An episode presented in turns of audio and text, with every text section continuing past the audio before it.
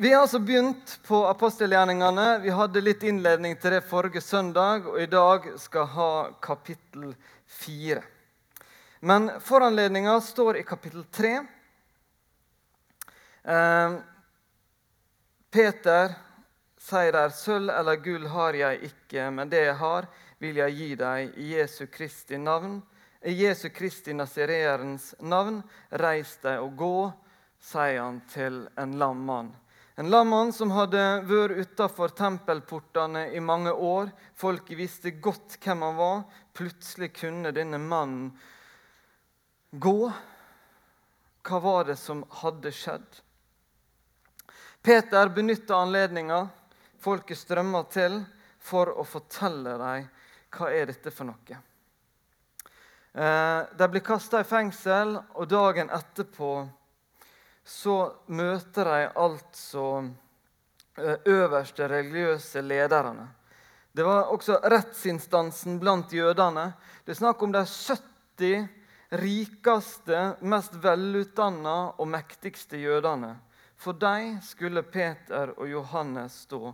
Og disse her som var ekspertene på religion, de lurte på hva er det, med hvilken kraft og i hvilket navn har dere gjort dette?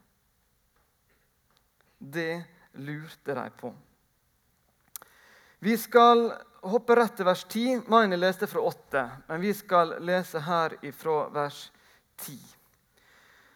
Når denne mannen står frisk foran dere, er det ved navnet til Jesus, Kristi, Jesus Kristus, Nasareeren, han som dere korsfestet, men som Gud reiste opp fra de døde han er stein som ble vraket av dere bygningsmenn, men som er blitt hjørnestein. Det finnes ikke frelse i noen annen, for under himmelen er det ikke gitt mennesker noe annet navn som vi kan bli frelst ved. Da de så hvor frimodig Peter og Johannes var, og forsto at, at de var ulærde menn av folket, undret de seg. De visste at de hadde vært sammen med Jesus. Peter er veldig tydelig på at uh, dette her er ikke et verk av han. Han hadde ikke kraft som skulle til for å kunne gjøre denne uh, mannen frisk. Seinere, når vi kommer et godt stykke ut i apostelgjerningene, så skal vi se en annen historie der Paulus opplever at han, der vi begynner å dyrke han og han som Gud etter at uh, han får gjort noen friske. Men både Paulus der og Peter i vår tekst er tydelig på at dette her er ikke noe som de har sjøl. De får lov til å videreformidle Guds nåde og storhet. Det er den krafta som Gud brukte for å reise Jesus opp fra de døde. Det er den som var virksom denne dagen i Jerusalem og kunne gjøre denne mannen frisk. Og Det er faktisk det Peter sier her som er eksistensgrunnlaget til oss i Misjonssalen. Har du tenkt på det? For vi samles ikke her fordi at eh, vi syns det er bare innmari kjekt å være sammen. Vi er ikke en sosial klubb. Vi er ikke spesielt like heller, tror jeg.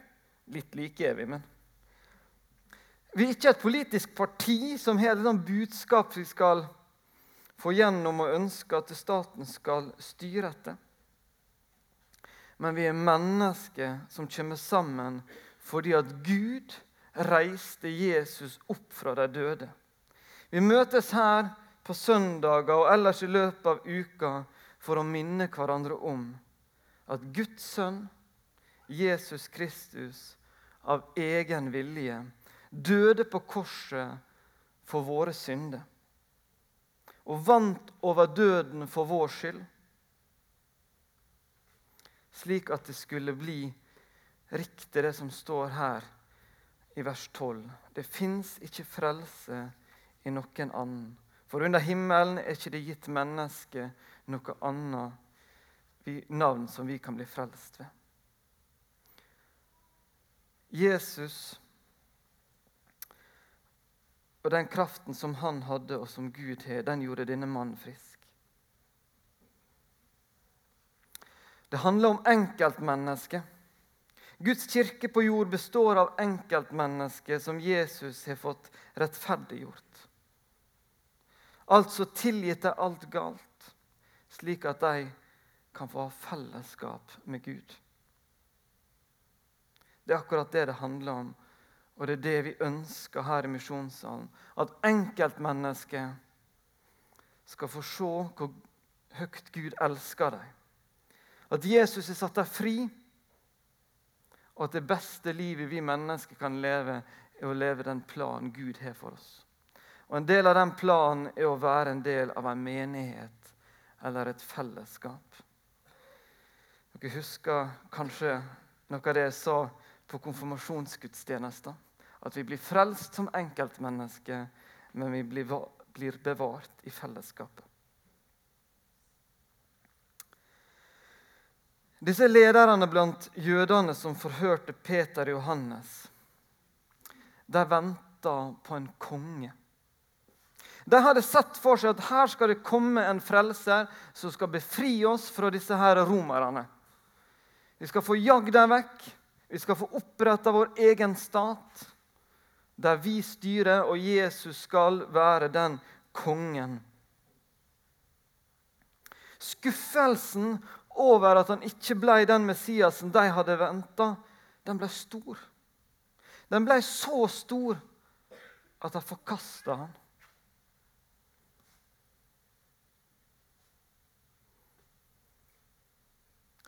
I stedet for å bli han de venta på, så ble han også en de forkasta. For han utfordra dem. Han gikk litt i veien for dem. Han sa dem imot. Så kraftig at til slutt så rydda de faktisk Jesus av veien. Og jeg tenker at Dette kan være litt viktig for oss å stoppe opp med i dag. Hva tanker har vi om Jesus? Har vi lett for å lage oss en sånn egen Jesus, en som passer vårt individ? En som vi kan forklare, en som passer inn i vårt skjema? En Jesus som gjør at vi får ting til å gå opp? Men hva skjer da hvis vår Jesus møter Bibelens Jesus? Hva skjer når mine tanker om en Jesus som jeg har laga meg, møter Jesus' egne, egne ord om hvem han er? Hva vil skje da?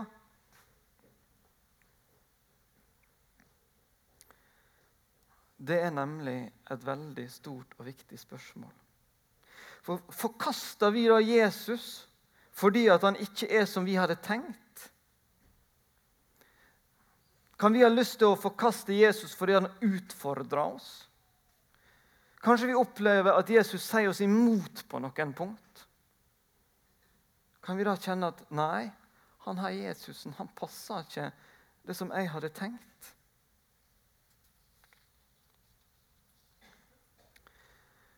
Eller vil vi akseptere han og så si slik som han sier, at han skal få lov til å være veien, sannheten og lide.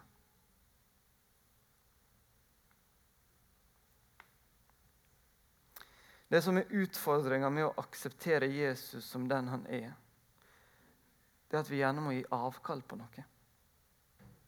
Vi må gi avkall på retten til å være herre over eget liv. Og sier ja til Jesus, så sier vi ja til å få en ny sjef til å få en som skal være den øverste autoriteten i vårt liv. Og For en del så stopper det akkurat der, fordi at det blir for stor bøyg. Det blir for lett å forkaste Jesus når vi må gi slipp på noe, gi avkall på noe. Og så får ikke vi oppleve hvor fantastisk det er å ha Han som sjef i vårt liv. Han som er livet, han som er veien. På fredag under lovsangskvelden så snakka jo Ingrid Fredelig litt om akkurat det her. At du og jeg faktisk må ta et valg. Ønsker vi å la Jesus bli en hjørnestein, fundamentet i livet vårt? Vi må faktisk ta det valget. Ville hvile Han ved vår Herre? Da tror jeg at du vil få oppleve og se at det kan få mange velsignelser med seg inn i ditt liv.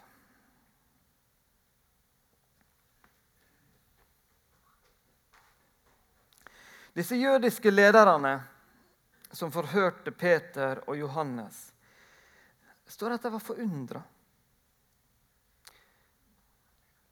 Hva var de forundra over?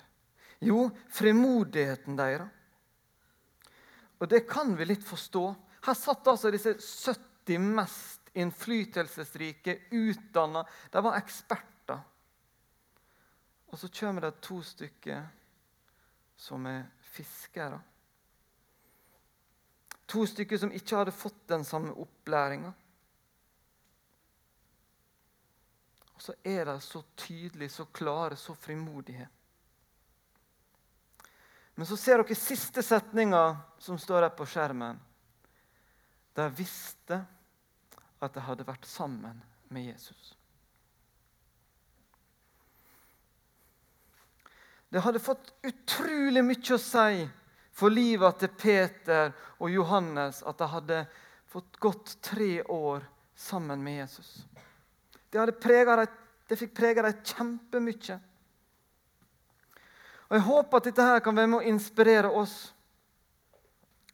Tenk om det kunne bli slik at folk så at vi hadde vært sammen med Jesus. For, for det som hadde skjedd med Peter og Johannes, det kan skje med oss. Det kan være slik at mennesker rundt oss blir forundra over frimodigheten vår, blir forundra over ting med oss. Og så kanskje skjønner de disse her har jo vært sammen med Jesus.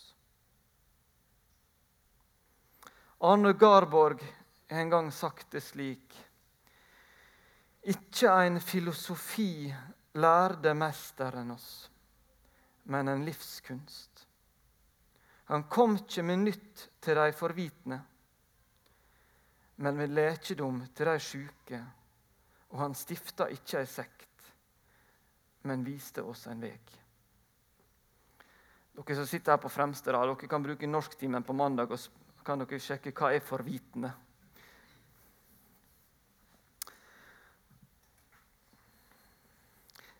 Livet med Jesus det handler ikke om en religion. Det handler om en relasjon. Det handler om en relasjon som skal få lov til å forandre oss. I sommer, etter å ha vært på bibelcamp, så har det blitt sunget en del i familien Bach om Jesus spør om du er tøff nok til å vise hvem du hører til. Tør jeg å vise mennesker rundt meg hva det innebærer i mitt liv at jeg hører til Jesus. Er vi villig å la det vise? Eller syns dere det er flaut at andre mennesker skal få se hva det vil si å tilhøre Jesus? Syns vi det er litt flaut å vise at vi sender noen tanker, noen takk oppover når vi åpner nistepakka vår på skolen eller jobb? syns vi det er vanskelig å si at vi ikke kan være med på en eller annen turnering eller annen aktivitet en søndag formiddag fordi at vi skal til menigheten vår og møte våre søstre og brødre der. Syns vi det er ok å fortelle andre at vi går i ei smågruppe, ei bibelgruppe, ei misjonsforening? eller Siden vi hadde sunget denne sangen en del i sommer, så sto jeg bort på Apotek 1 på Moa, og Rebekka, minstejenta mi, begynte å synge av full hals. Hva gjør jeg da? Prøver jeg liksom å dempe litt ned, for jeg syns det er litt flaut? eller heier jeg på henne?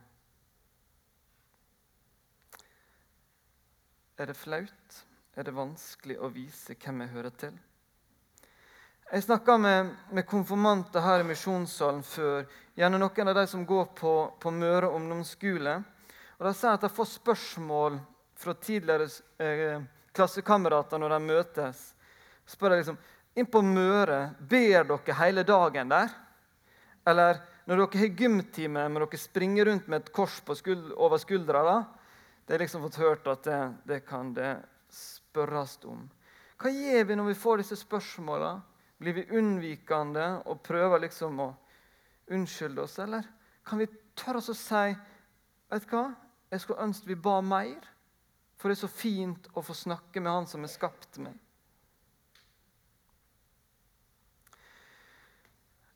Vi har lett for å prøve å unnskylde og være flau for å vise fram det kristne livet.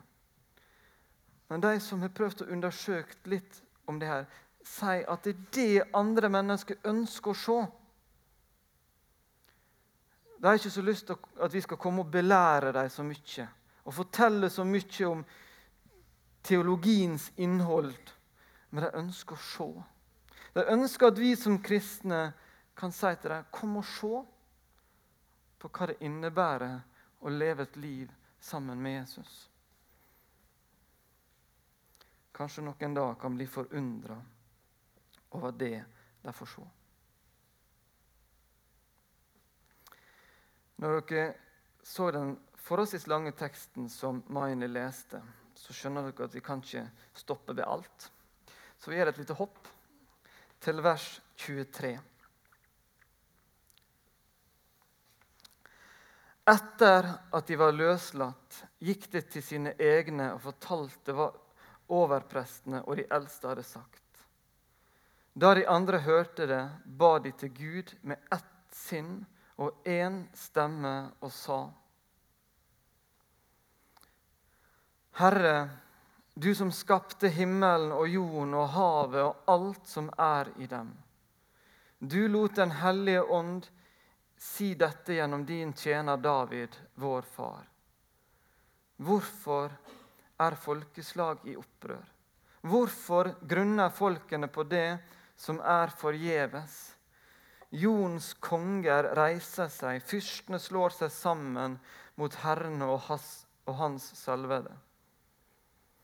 Ja, i denne byen slo de seg sannelig sammen mot din hellige tjener Jesus, som du salvet.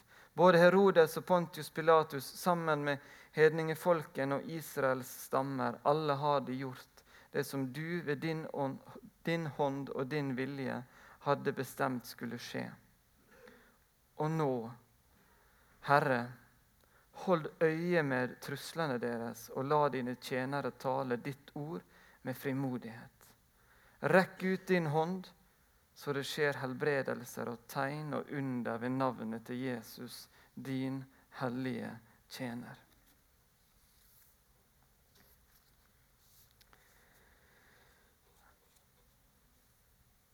Jeg syns denne bønna er helt fantastisk.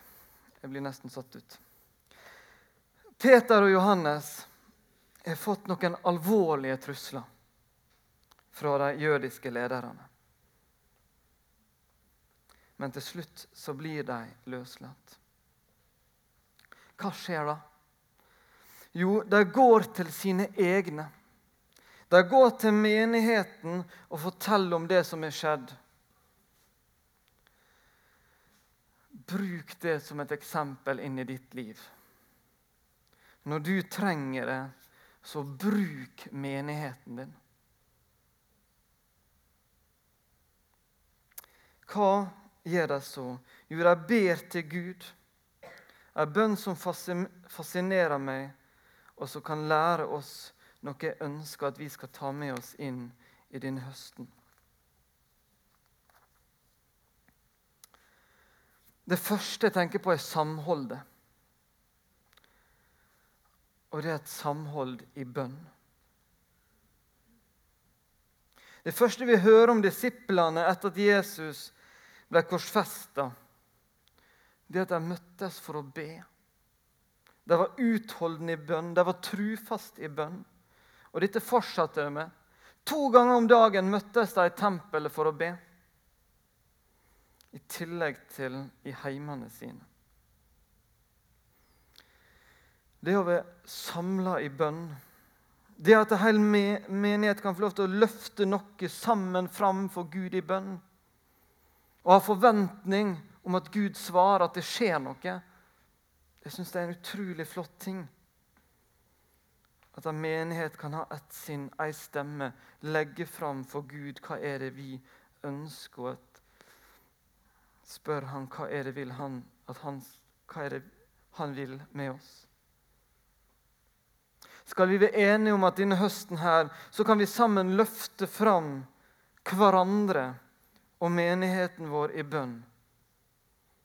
Og ha tru for at Gud skal bruke oss, utrette noe mellom oss i vårt område.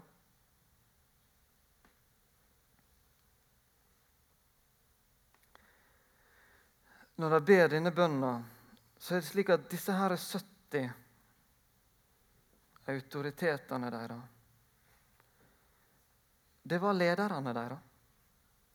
Men de hadde stikket kjepper i hjula for dem. Og hva gjør de da? Jo, da går de til den øverste autoritet. Er han som er sjefen over dette rådet. Det står her, første ordet på skjermen, 'Herre'. Det kommer egentlig litt dårlig fram på norsk. Har dere sett i en engelsk bibel eller i en annen så har det tydeligere at her henvender de seg til den øverste autoritet, til kongenes konge, herrenes herre. For da kunne det jødiske rådet true og rase så mye de ville. Fordi at de visste at Gud og den øverste autoriteten, han sto over disse menneskene. Og så Når vi kommer ned i bønna, så kan vi kanskje stusse litt og lurer på hvorfor begynner han å snakke så mye om Gud som er skapt, om Den hellige ånd og David. Kunne ikke de bare si det som de egentlig hadde på hjertet? Jeg synes Det er flott å se at de begynner denne bønna med å minne seg sjøl om og minne hverandre om den treenige Guds autoritet og suverenitet. Han er skapelsens Gud. Han har skapt alt som fins. Han er åpenbaringens Gud. Han er historiens Gud. Det er han som har satt alt dette på plass. Det er han som har iscenesatt denne fantastiske redningsplanen med Jesus som hovedperson som skulle få komme til vår verden og ved grunnlaget for vår frelse. Det er ikke en fjern Gud. Det er en Gud som bryr seg. Jeg syns det er fint. Jeg syns det kan være til inspirasjon for oss. Vi skal få lov til å legge fram for Gud det vi tenker på, det vi trenger, våre ønsker og behov. Men vi er godt av å si til oss sjøl hvem er denne guden vi henvender oss til? Minne oss sjøl om det. Og så kommer det disse bønneevnene deres. Herre, hold øye med truslene deres, og la dine tjenere tale ditt ord med frimodighet. De var nok redde. Det var alvorlige trusler. Men når de da ber, så er ikke det ei bønn om straff for de som forfølger dem. Det er ikke en bønn om å fri deg ut av en vanskelig situasjon, men det er en bønn om at Gud skal passe på deg. Og at de skal ha frimodighet til å si det som er sant og rett. Tenk at Det er også en bønn for oss. At vi i vår verden med mye, mye kjærlighet og varme tør å si og holde, og holde fast på det som Bibelen sier er rett og sant. Videre så ber de om helbredelse, tegn og under i Jesu navn. At dette her skal skje for å kunne bekrefte dette budskapet. Det er igjen et ønske om barmhjertighet som preger dem midt i en tid de pressa kjempetøft. Det var nok nærliggende. Det hadde iallfall vært nærliggende for meg å be om noen andre ting. Be om å straffe eller fjerne, få vekk disse som gjorde det vanskelig for deg. Jeg tror kanskje jeg fort hadde bedt som det.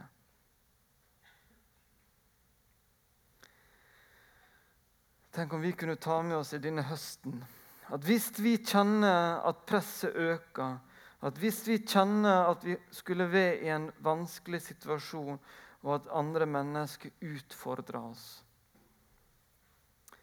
ja, da ber vi om godhet for de vi møter.